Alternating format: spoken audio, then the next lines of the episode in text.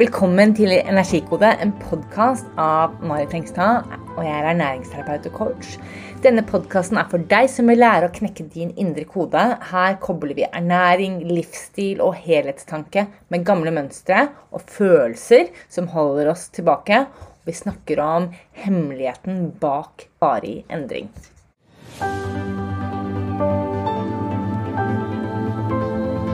Velkommen, Maren. Vi skal snakke litt i dag. Ja. Eh, vi eh, snakker litt om energikode, og vi skal snakke litt om hva det betyr for, for deg, og hva det betyr for meg. Så først har jeg lyst til å introdusere deg. Vi er jo litt sånn et slags Instagram-vennepar. Vi er kjent på sosiale medier og det å være gründere begge to.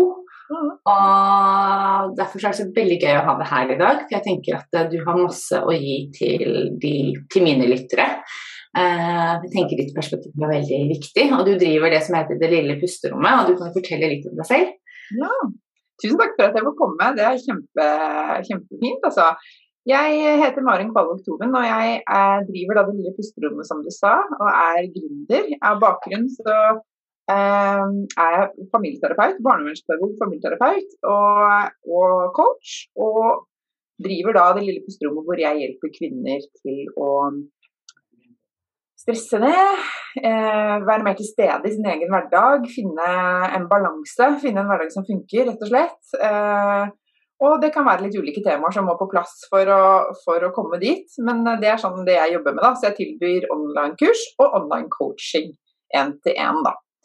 Eh, og så er jeg jo da, som deg òg, på Instagram og Facebook og treffer nye mennesker og ja. Eh, det er veldig, veldig fint, altså. Så det er liksom mm. hverdagen min. Eh, og jeg startet jo det lille pusterommet etter at jeg selv var utbrent. Mm. Så jeg har jo erfart på kroppen selv hva det vil si å ikke ha en hverdag og et liv i balanse, på en måte. Eller noe som hvor jeg ikke helt hadde knekt den koden om meg selv mm. og få hverdagen til å funke. Um, jeg er jo også mamma og gift og har en sant, familieliv ved siden av, så jeg følte at jeg var, jeg var litt ute å kjøre da. Jeg hadde ikke helt eh, fått det til å funke. Mm. Og når du da var utbrent i en ganske, ganske tøff jobb, kan jeg tenke meg, eh, på en måte, hva var det du gjorde da? Hva var liksom grepene, hvordan klarte du å snu det?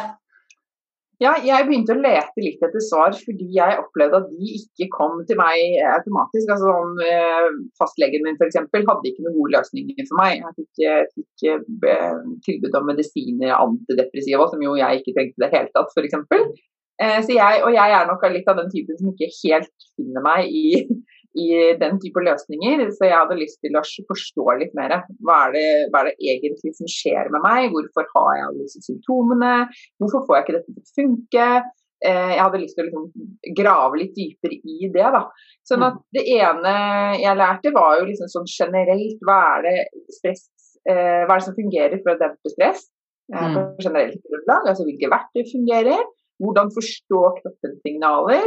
Hva er det egentlig som gjør at disse symptomene dukker opp, og hva er det som skal til for at de skal justere seg, sånn at kroppen også funker, både fysisk og psykisk. Mm. Så Det var det ene jeg gjorde, um, som jo jeg tenkte var ganske det var ikke så veldig vanskelig å finne svar på det. Og, og jeg begynte også å bli litt sånn overrasket over at dette ikke egentlig var litt sånn automatisk at når jeg kom til legen og var utbrent, så burde jeg jo fått den, dette på resept, liksom. Altså, ikke sant. Ja. tenker jeg ofte på. Uh, ja. Tenker det er mange liv som ikke kommer på rett kjøl. Det tar så lang tid ja. fordi man ikke liksom gir kroppen det den trenger. Hvile, restitusjon, ro. Praktiske løsninger og komme seg opp og gjøre liksom for lys. Altså Mange blir jo, når de er utbrent, så blir man ofte liggende i sengen og ikke altså Vi trenger frisk luft og vann og ja. ny kaffe og alt dette her. Ja, ja liksom litt den der helhetlige tankegangen rundt hvordan, uh, hvordan, vi funker, ikke sant. Um, så det var liksom det ene jeg gjorde, som begynte å gi meg noen sånne verktøy som jeg begynte å implementere. Um, og så fikk jeg også hjelp gjennom eniagrammet, som jo jeg da også bruker nå i coachingen min. Og det var eniagrammet som ble for meg liksom virkelig den brikken som fikk eh, puslespillet til å gå opp. Altså, som, som, gjorde at jeg knakk koden om meg selv da, eh, og forsto meg selv på en mye dypere, en dypere plan. Og som gjorde at jeg kunne skape og løse opp i det der indre stresset. fordi at stresset for meg handlet ikke bare om logistikk eller eh, ansvar på jobb eller sånne ting. Det handlet om veldig mye av det som skjedde på innsiden, og som jeg skjønte at jeg har hatt med meg hele livet. da. Lenge før jeg ble mamma. Det er bare at etter at livet fortettet seg, liksom, når jeg ble mamma og jobb og alt det der, så, så blir bare mønsteret mitt og det som var litt fastlåst fra før, ble bare enda synligere, da, på en måte. Ja den bufferen er jo mye mindre, ikke sant. Når man, ja, ja, ja. vi tar jo på oss ansvar hele tiden når vi blir eldre. altså Det er huslån, og det er ferieforventninger, og det er unger, og det er bursdagsfester, og gud vet hva det er, og det er jobb, og man skal stige i gradene, og det er liksom og Da blir jo den bufferen mindre og mindre, og vi tar jo på en måte ofte på oss mer og mer ansvar. da. Men det enagrammet syns jeg er veldig interessant, og vi har snakket litt om det. og jeg tenker at det, fra mitt perspektiv da, så går de også liksom litt på det å finne de gamle mønstrene i oss, de der eh, shortcutene, den tankeprosessen. Ja. Så det er bare en, en, en måte å øh, Og vi trenger mange forskjellige måter, for vi trenger litt ulike innfallsvinkler. Men det er en måte å forstå oss selv på. Du, jeg vet det er vanskelig å si det på fem minutter, men kan ikke du liksom gi oss litt mer? Hva er et enneagram? Ja, ja, dette kan jeg snakke mye om. Eh, men veldig kort fortalt så gir jo eniagrammet eh, oss svarene på hvordan vi er skrudd sammen, også på det mer ubevisste planet. En ting er at du kan sitte og si ja, jeg, typisk meg å være utadvendt, sosial, spontan. Man har noen sånne synlige egenskaper eh, som, på, som, alle kan se, og som er ganske lett tilgjengelig for oss. Det eniagrammet gjør, er også at det tar oss ned til et dypere plan. så Det viser oss liksom hva er drivkraften bak strategien og tankemønstrene dine? Hva er det som gjør at du har den autopiloten du har, sånn som du sier, det der shortcuten, det der du gjør på automatikk, som du kanskje mm. ikke legger merke til engang?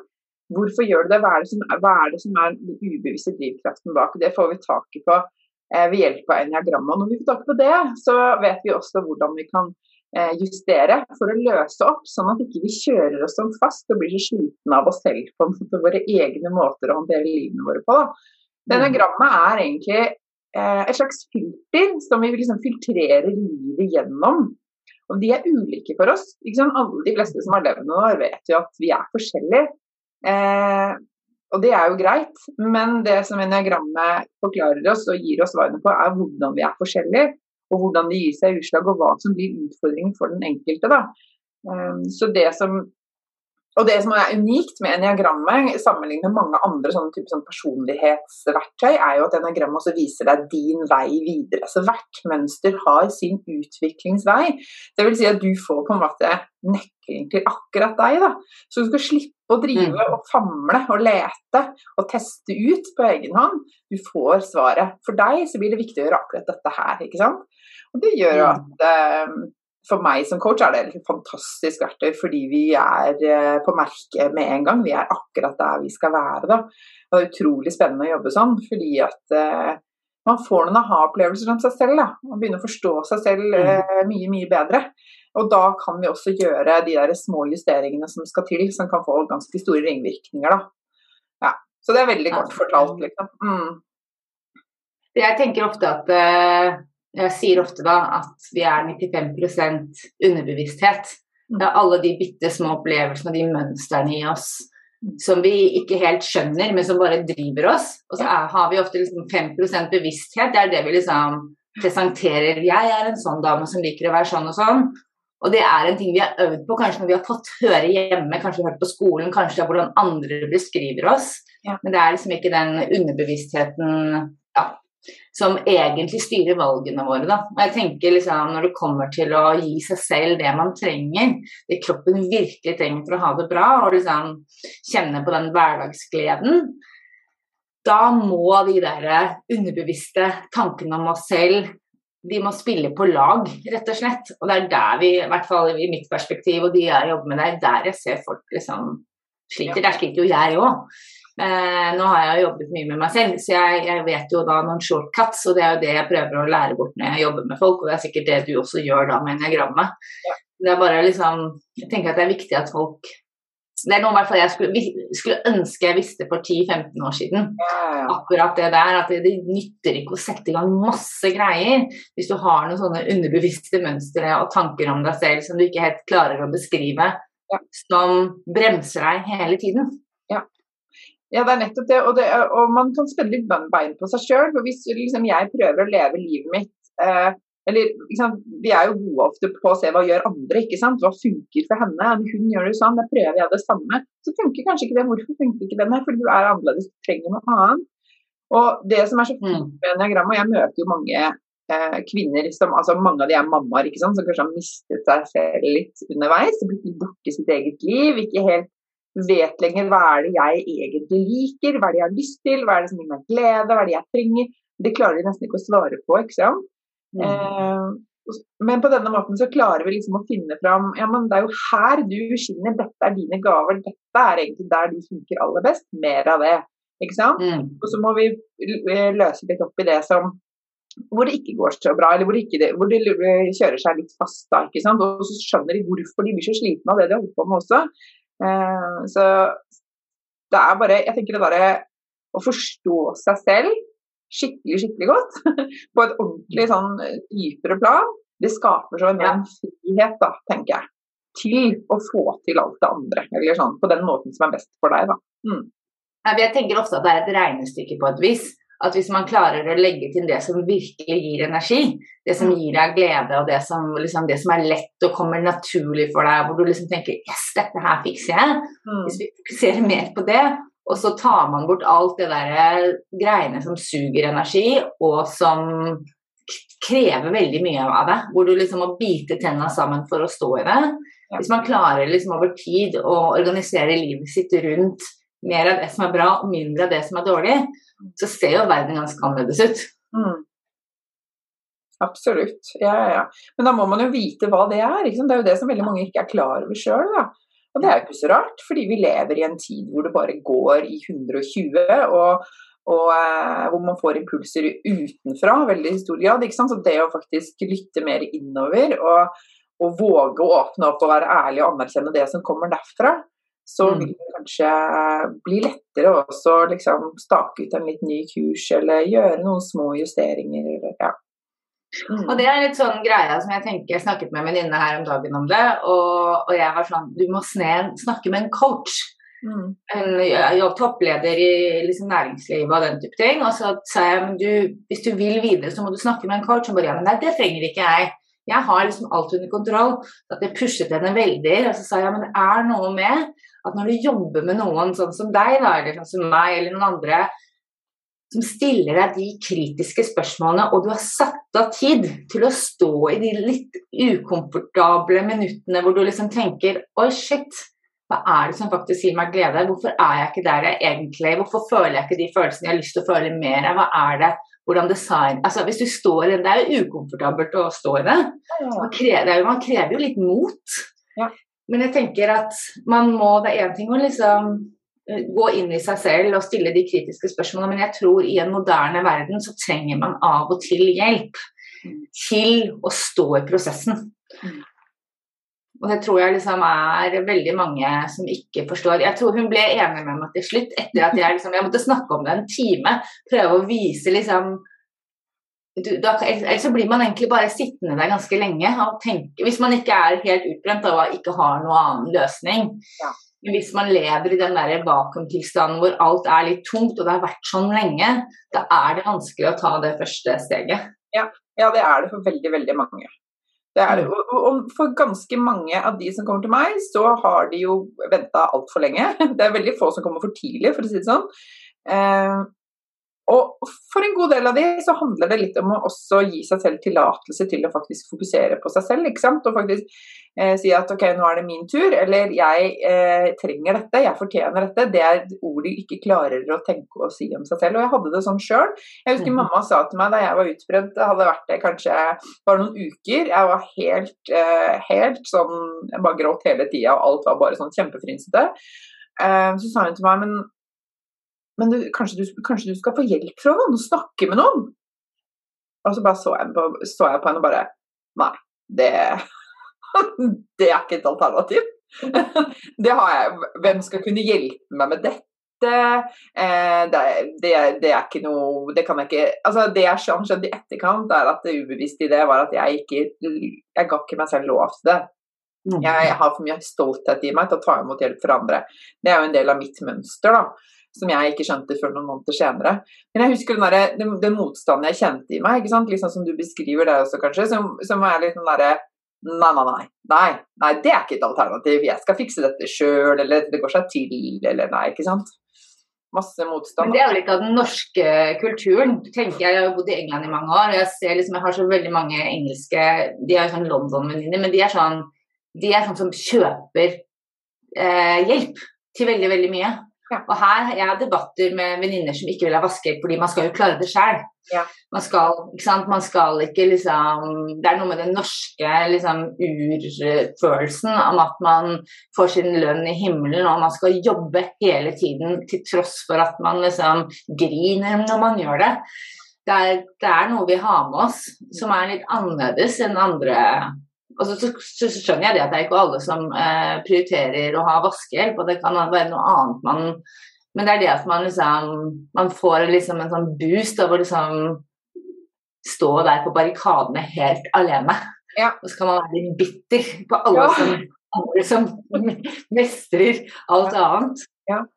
ja, og så lurer jeg på kanskje Dette er min hypotese og min opplevelse sånn helt subjektivt, men at det er at vi kvinner ofte er litt sånn eh, Har en del sånn stolthet i liksom, Når vi tenker tilbake på mødrene våre og bestemødrene våre som aldri klaga, eller som, sant, som gjorde alt selv. og eh, De var ikke syke en eneste dag. og Jeg har hørt en del sånne historier opp igjennom. Liksom, og så tenker jeg ah, vet vi det?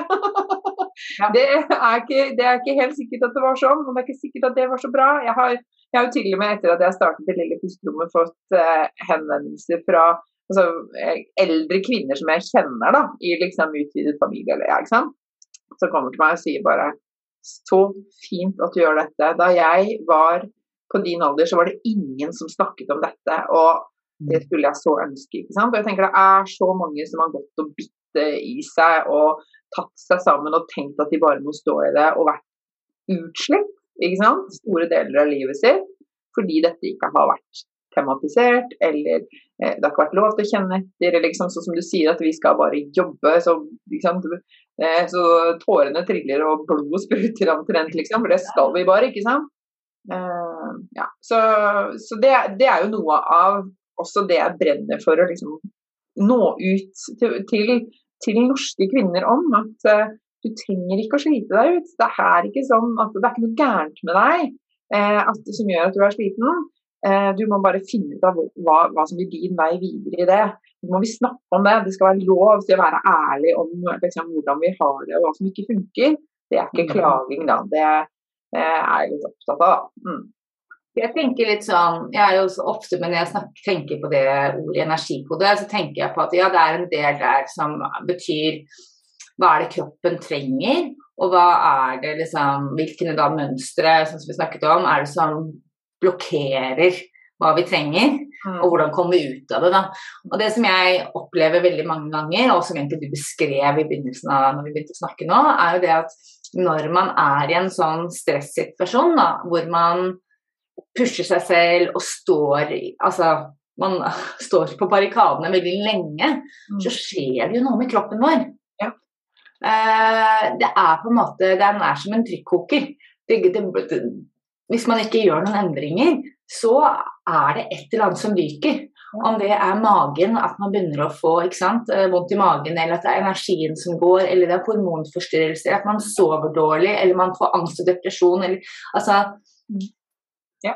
Og det tror jeg liksom så mange liksom ikke skjønner Når jeg f.eks. For forklarer at jeg er ernæringsterapeut, så tror de det bare handler om liksom kalorier inn og ut. Og så tenker jeg sånn, nei, vet du hva, det er det ikke.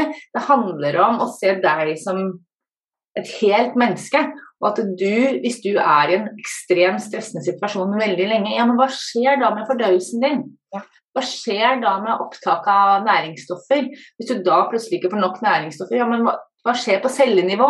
Ja. Så på en måte, mm, jeg tenker at det er veldig viktig å, å tenke litt på. da. Absolutt. Og jeg en, det er faktisk en post jeg har delt på Instagram i dag. Uh, apropos det du sa. Hvordan, altså Ulike eksempler på symptomer på stress. For det er veldig mange som ikke er klar over det. At mm. fordøyelsesproblemene eller hodepinen eller søvnvanskene eller korte lunta eller, eller, eller, hormonelle utfordringene. Jeg hadde jo eh, nesten alle tegn på overgangsalder. Da jeg var utbrent. De forsvant da jeg ble frisk. Det er bare et eksempel på hvordan dette henger så innmari sammen. ikke sant?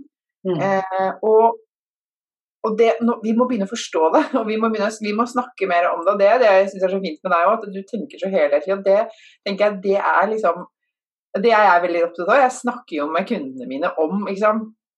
Hvordan alt henger sammen. Hvordan søvnen og kostholdet og relasjonene dine og selvfølelsen din og alt sammen er liksom brikker som henger sammen. Vi må se på alt.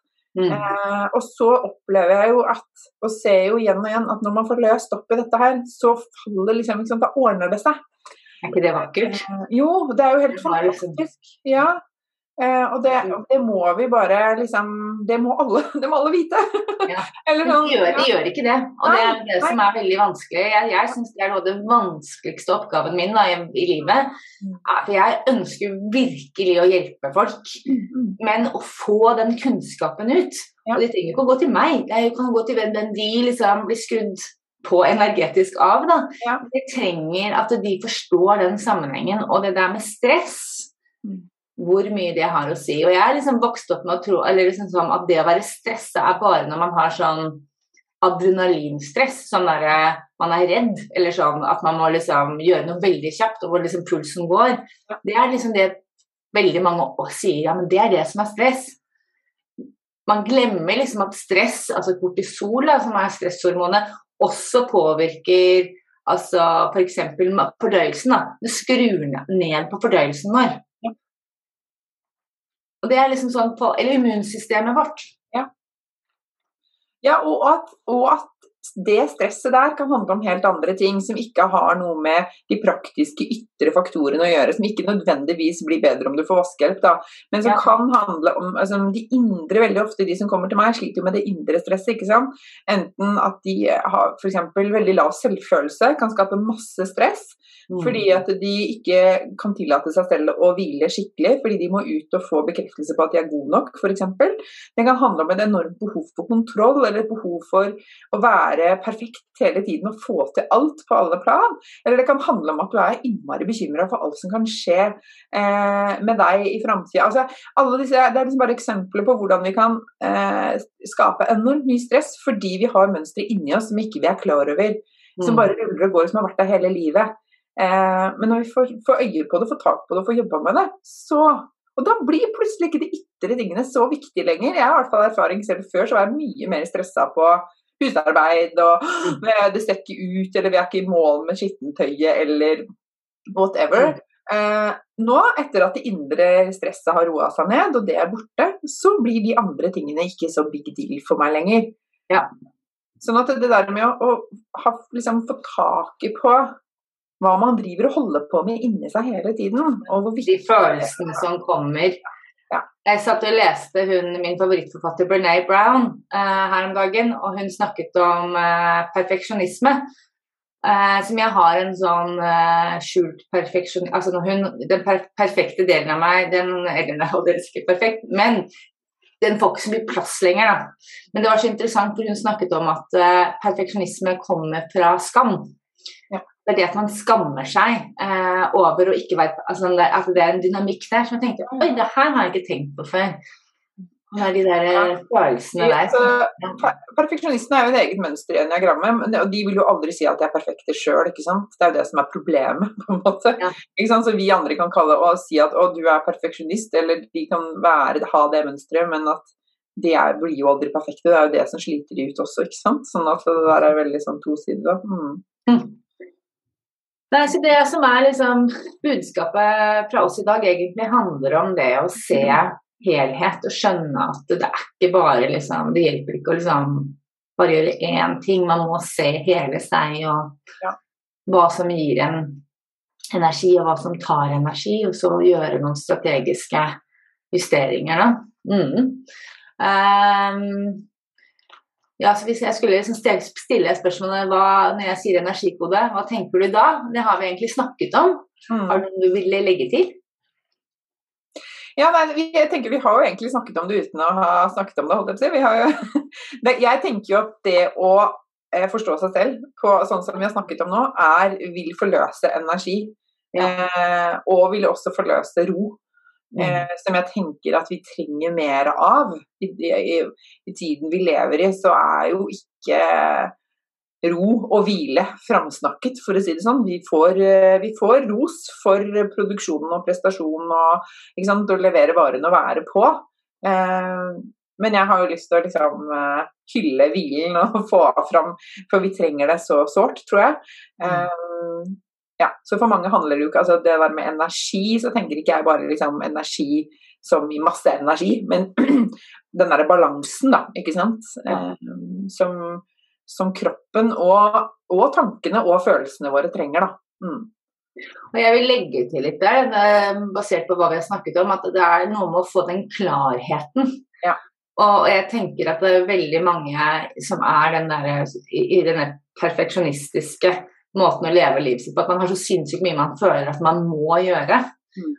Og så er det liksom det at man aldri har tatt seg tid til å vurdere alt på den gjøremålslista. Man bare legger på ting hele tiden, man lar ikke ting gå fordi man ikke er tjent med det lenger, at det kanskje ikke er det beste Altså man bare sier ja, eller i hvert fall jeg som et ja-menneske, sier ja til litt for mye greier uten å helt vurdere liksom Ja, men tar det meg dit jeg vil, eller er det viktig for meg? Uh, så jeg tenker det å liksom få klarhet i hvor man, hva man trenger, og hva man trenger å gi slipp på, fordi da tenker jeg, da blir det andre boller, for da er det så mye enklere å stå i endring. Jeg har skrevet veldig mye om det i det siste og snakket om på podkast om det, dette her med at man setter i gang ting. Fordi man har en god intensjon om at man skal drikke mer vann, eller hvile mer, eller trene mer, eller hva enn det skulle være. Og så setter man det i gang, og så sklir det ut veldig raskt. Fordi livet kommer i veien og veldig mye andre ting, liksom. Og det er jo fordi man ikke har klar, helt klarhet på hva som er viktig. Mm og hva man må gi slipp på. Um, ja, det er klart at Hvis du lever livet ditt i stor grad ut fra hva du tenker andre forventer av deg, eh, eller du f.eks. har eh, veldig lav selvfølelse selv og tenker at du må please andre og gjøre andre glad for å føle deg bra, eller et eller annet sånt, så mister man jo helt kontakten med og Det er veldig vanskelig å stå støtt i sånne endringer og valg du tar. da, ikke sant? Hvis du har bestemt deg for at nå skal jeg trene to ganger i uka. da. Eh, men så plutselig så får du en forespørsel om å sitte på, være med i FAU, eller så klarer du ikke å si nei. ikke sant? Fordi du tenker at det, det må jeg gjøre, for da, da, blir jeg anerkjent, eller da gjør jeg noe viktig, eller da får jeg ikke kred for det, eller det ser bra ut, eller et eller annet sånn ytrestyrt. da. Mm. Eh, så, så, er det lett å kaste seg selv, liksom, sette seg selv til side og tenke ja, den treninga blåst ut, liksom. jeg får ikke tid til det. Men dette her får jeg i hvert fall noe Da får jeg kanskje noe igjen der. ikke sant? Mm. Eh, og så blir det du kanskje egentlig trenger mer av, eh, satt til side. Og hvis du gjør det igjen og igjen, så er det klart at da er du til slutt borte. Viska ut. Utslitt. ikke sant? Da har du, da har du mistet deg sjøl til da. Mm. For Det er vel noe med tidsperspektiv her, da, er at vi ofte liksom hopper på sånne ting basert på akkurat nå. Vi tenker jo ikke liksom ja, men hva skjer hvis vi gjør dette her på alt liksom om et år, eller vi, har, vi klarer ikke å ta, forstå oss selv i tidsperspektiv. Vi bare liksom hopper på de akutte, mm. eller de følelsene vi akkurat har der og da. Mm. Um, ja, det er interessant det der, altså. Um, mm. Og hva tenker du er at eh, Hvorfor klarer vi ikke å fokusere på disse tingene? Er det noe, noe annet du vil legge til? Som er det som ja, altså Det ene er jo det der med å ikke gi seg selv lov til. Og hvis vi skal tenke hva som, hva som, på en måte hindrer oss i å ta gode valg for oss selv, det kan jo være flere ting. da, og jeg tenker Ut fra enegrammet så vil det være litt ulikt for de ulike mønstrene. da, Men for, for, eh, for en del så vil det handle om f.eks. dette med at jeg kan ikke gi meg selv lov til å bare fokusere på meg. Jeg kan ikke gjøre noe som bare er godt for meg, for hvordan blir det for alle de andre f.eks. Liksom. Det kommer til å gå utover familien min, eller hva kommer de til å tenke om meg da, eller er jeg egoistisk, eller et eller annet sånt. Det kom, dukker opp noe sånt. Veldig mange sliter med dårlig samvittighet, ikke sant. Med en gang de begynner å liksom lure på om de skal gjøre noe som bare handler om seg selv. Og så stopper de fordi at nei, den dårlige samvittigheten er så ubehagelig, den orker jeg ikke å ha. Og så fortsetter de samme sporet, da, f.eks. Sånn at det der med å, å, å, faktisk begynne å gi seg det lov til ja, men jeg må, eh, jeg vil og jeg må og jeg trenger dette eh, for å ha det bra. For så, så vil jeg også ha mer å gi til andre, f.eks. Vil jo være et perspektiv som kunne være nyttig å se litt på da, ikke sant. Da må man sitte i det perspektivet en stund for å liksom forstå ja, ja. Man må tenke gjennom konsekvensene. Jeg hadde en kunde for en, eller hun var ikke en kunde, jeg snakket med en dame eh, som vi drev og snakket om å drikke nok vann på morgenen, hvor viktig det er å være hydrert. Altså Jeg vedder for at halv, eller kanskje ikke halvparten, men en god del av de som hører på i dag, de drikker ikke nok vann. Eh, selv om jeg Vi, vi har, vi har sånn flaske på kontoret, men det er veldig mange som ikke drikker nok vann. Fordi, og så fyller de på med alt annet med sånn koffein og sånn. Og så begynner man ofte å drikke kaffe før man drikker vann på morgenen. Og så får man vondt i hodet, og man blir forstoppa, og er, tankene går ikke så lett. Og, altså, det er mye som kan skje i kroppen da, når man ikke drikker nok vann. Men hun sa til meg at det har jeg ikke tid til. Jeg har ikke tid til å drikke nok vann. Og da tenker jeg, vet du hva, da har du faktisk eh, mista noe, liksom fått, mista noe essensielt på veien. Dette her med informasjon. Hvis ikke du har tid til å drikke vann, da altså, Si at det går utover produksjonsevnen din eller tankekraften din. Du, du tenker mer, mindre presist. Du får mindre u... Altså, blodet ditt jobber treigere. For det, altså, når man er dehydrert, så blir, jo, blir blodet seigere i kroppen. Det blir liksom mer konsentrert. da. Det er ikke så flytende. så Det er på en måte, det er så masse prosesser i kroppen som ikke fungerer optimalt. Ja. Sånn at det, det liksom, Du går da på ettermiddagen da og liksom har vondt i hodet og syns det er slitsomt og er skikkelig Og da, der, der mister man jo timer. Ja, ikke sant. Det er liksom noe med det å lære seg å forstå at det er noen grep som må til som kanskje ikke føles greit, da.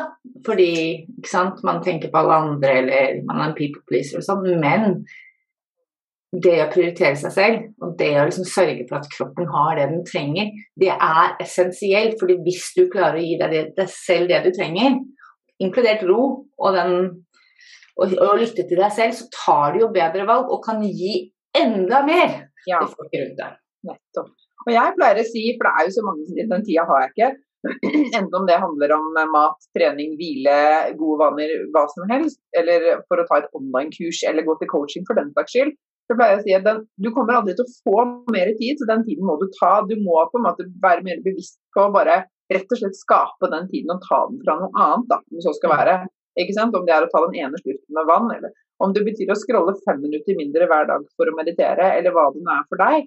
Men du må ta den tiden. og du, ja, Det er det jeg tenker at vi må i større grad sitte mer i førersetet i vårt eget liv, da. Og ikke bare tenke at, at ja, men det bare skjer, ikke sant. Mm. Bare, jeg bare eh, henger i stroppen. Jeg har en coachingkunde som sier at hun noen ganger føler at hun bare henger etter et tog. ikke sant? Altså, der, at det føles som alt bare skjer med oss. Vi har mm. ikke noe, ikke sant? Vi må tilbake og ta litt mer kontroll sjøl i vårt eget liv. da, det, Men det er ikke så lett alltid å se selv. Det er jo, det er jo de, jeg, de jeg jobber med som jo ikke helt klarer å se dette. Jeg skjønner at jeg må gjøre noe, er det mange som sier, men jeg, jeg skjønner ikke hva, og jeg skjønner ikke hvordan jeg skal få det til. Ja. Og så tror jeg, når du apropos det der med hva som hindrer oss, veldig mange tror at det kommer til å koste for mye. Altså sånn, eh, Være for slitsomt å gå inn i å skape denne endringen. Mm. Det kommer til å være uoverkommelige store oppgaver jeg får. Hvis jeg f.eks. går til en coach da, som deg og meg. Jeg, jeg vet ikke om jeg orker. Jeg vet mm. ikke om det er mulig mange som kommer til meg og sier Er det håp for meg? Ble dette for mye for deg nå? Dette her var kanskje litt voldsomt, det å fortelle. De kommer med en sånn opplevelse av at jeg er for mye, eller det er noe gærent med meg. Eller tar for mye plass. Ja. Og jeg er en, en, en umulig oppgave å løse. Mm. Og, det, og, det, var jo litt den følelsen jeg hadde også, at dette her er det ingen som kan hjelpe meg med. Og den følelsen vil jeg bare at ingen skal gå med, fordi at det er alltid håp. Da. Det er alltid, fins alltid svar der ute. Eh, og kanskje er det så mye lettere tilgjengelig for deg enn det du tror. Sånn, jeg har jo coachingkunder som sier til meg som får kanskje noe de skal øve på, dette gjør sikkert du også, Mari, sånn at de liksom gjør akkurat dette her. Og så kommer de tilbake neste gang og bare Den enkle tingen der fikk så stor effekt! What? Det hadde jeg aldri trodd! Ja. Ikke sant? Og, der, og, det er bare åh, ja, det er ikke så nødvendigvis så voldsomme ting, men vi må bare vite hva det er. Vi må gjøre det riktige, ikke sant. så skal du se at det skjer masse. Så det tror jeg holder folk veldig mange igjen. De tenker at 'jeg orker det ikke', eller 'det er umulig', eller eh, 'det kommer til å koste meg for mye', at jeg, blir, jeg, blir, jeg, har ikke energi til det, jeg må være på et annet sted før jeg kan ta tak i det. Altså sånne ting, da. Mm. Mm. Det er et veldig godt eksempel. Om, ja. Ja, nei, for det er noe med det at man sitter jo på en del eh, både livserfaring og coaching erfaring. Så at man, det er jo faktisk en metode som blir brukt til å sortere. Mm. Vi er veldig gode på puslespillaging. Mm. Og vi, jeg tenker du sa, altså vi har snakket mye sammen, så jeg vet liksom at det er noe med det puslespillet. Det er noen hjørner som skal på plass. Ja. Og vi vet taktikken. Ja. Så det er liksom noe, og det er alle, snakket for alle coacher eh, og terapeuter. Det er en teknikk bak det. Og det å hjelpe å sortere tanker. og prioritere er et ja, viktig steg, da. Ja, og når man står midt oppi gjørma sjøl, for å si mm. det sånn, hvis du føler at nå er, liksom, er jeg nede i, i hengemyra her, så er det veldig vanskelig å se selv hvor handlingsrommet ditt er. fordi at, og dette er jo sånn, vet vi jo sånn fysiologisk i forhold til stress. ikke sant? Du veldig, har du veldig mye stress i livet ditt og har veldig høye kortisolnivåer, så får man litt tunnelsyn og mm. tenker bare jeg må bare ikke sant? Nå må jeg bare fortsette dette sporet her. Jeg må bare henge meg fast og håpe at jeg kommer ut på andre sida av denne tunnelen. Ja. Men for oss som møter de, så klarer vi å se at her er det perspektiver som ikke er synlige for deg. Her er mm. handlingsrom, her er det muligheter. Her har du masse du kan potensialet. Og det trenger vi, sånn er vi som mennesker, vi trenger et annet blikk på livene våre innimellom. da. Det, jeg tenker liksom at ofte da, i, hos oss mennesker, så er det jo det at vi har Altså hjernen vår liker jo ikke den endringen. Den stritter jo litt imot når vi skal begynne med nye ting. Altså Det sies at det tar 66 dager for å lage en ny vane. Fordi hjernen vår bruker så mye krefter på å ta, finne nye løsninger. Så den vil jo helst unngå det. Mm. Spesielt i et sånt veldig stressa miljø. Fordi da tenker den hele tiden shit, jeg vet ikke jeg har, om jeg har nok energi til å komme meg gjennom den dagen. Tenk om det er en katastrofe på katastrofe på katastrofe. Jeg må ha nok energi til det her. Jeg orker ikke å implementere noe som helst annet. Så den stritter jo skikkelig imot og kommer til å gi deg en million grunner til å ikke drikke vann eller meditere eller altså hva enn det, det nye du skulle finne på å, å gjøre, da. Ja. Det er liksom viktig å ta med seg. Ja. Um, jeg snakker ofte med coachingkundene mine om det. Ikke nødvendigvis ikke sånn hvis, men når motstanden dukker opp. Altså Når den ringer på døra, hva gjør det da? Sånn at de er forberedt på at den kommer til å komme, og at de har noen strategier og noen verktøy i kassa si, sånn at de vet hva de skal gjøre når den dukker opp. Mm. Sånn at man kan begynne også å møte det på en litt annen måte. ikke sant? For den motstanden har kanskje fått litt for mye plass. Ja. Eh, og, og, begrenset i, i altfor lenge, da. Ikke sant? Eh, men det går det an å gjøre noe med. Ja, ja, ja. og det er litt sånn Jeg har funnet ut Jeg vet ikke om eh, du har vært borti hun dama som heter Gretchen Rubin. Hun er, sånn, eh, hun er en forsker og snakker om forskjellige måter å bygge At vi er forskjellige typer, da, som hvordan vi kan bruke um, teknikker på å lære oss noe nytt. At vi er forskjellige. Og jeg er en sånn som elsker Eh, på engelsk heter det 'accountability', hva heter det på norsk? Eh, altså man, jeg elsker at noen holder meg ansvarlig da, i prosessen. Så jeg f.eks. er den perfekte kandidat. Eller, eller, gjennom korona så startet jeg en treningsgruppe nede på brygga her. Eh, fordi da visste jeg at hvis jeg kommer meg på trening, og det er ti damer som venter på meg, da må jeg trene. Ja. og det er liksom at jeg nå bruker jeg det som heter ClassPass på trening. Jeg booker det, og jeg gjerne prøver å booke det med en venninne eller med noen. sånn at da vet jeg at da må jeg dukke opp på den treningen. da. Så jeg, nå prøver jeg liksom å bruke min egen svakhet som en styrke. Ja. Og det å Ja, for å kunne klare å, å, å, å stå i den motstanden, da. Det... Så, da må du starte med å være ærlig med deg selv og erkjenne at her har jeg lite svakt punkt. Dette ja. er litt typisk meg. Ok, men da, da, da, løfter vi det frem opp og så ser vi litt på det. Hvordan kan jeg, hvordan kan jeg allikevel gjøre det som jeg egentlig vil ha mer av?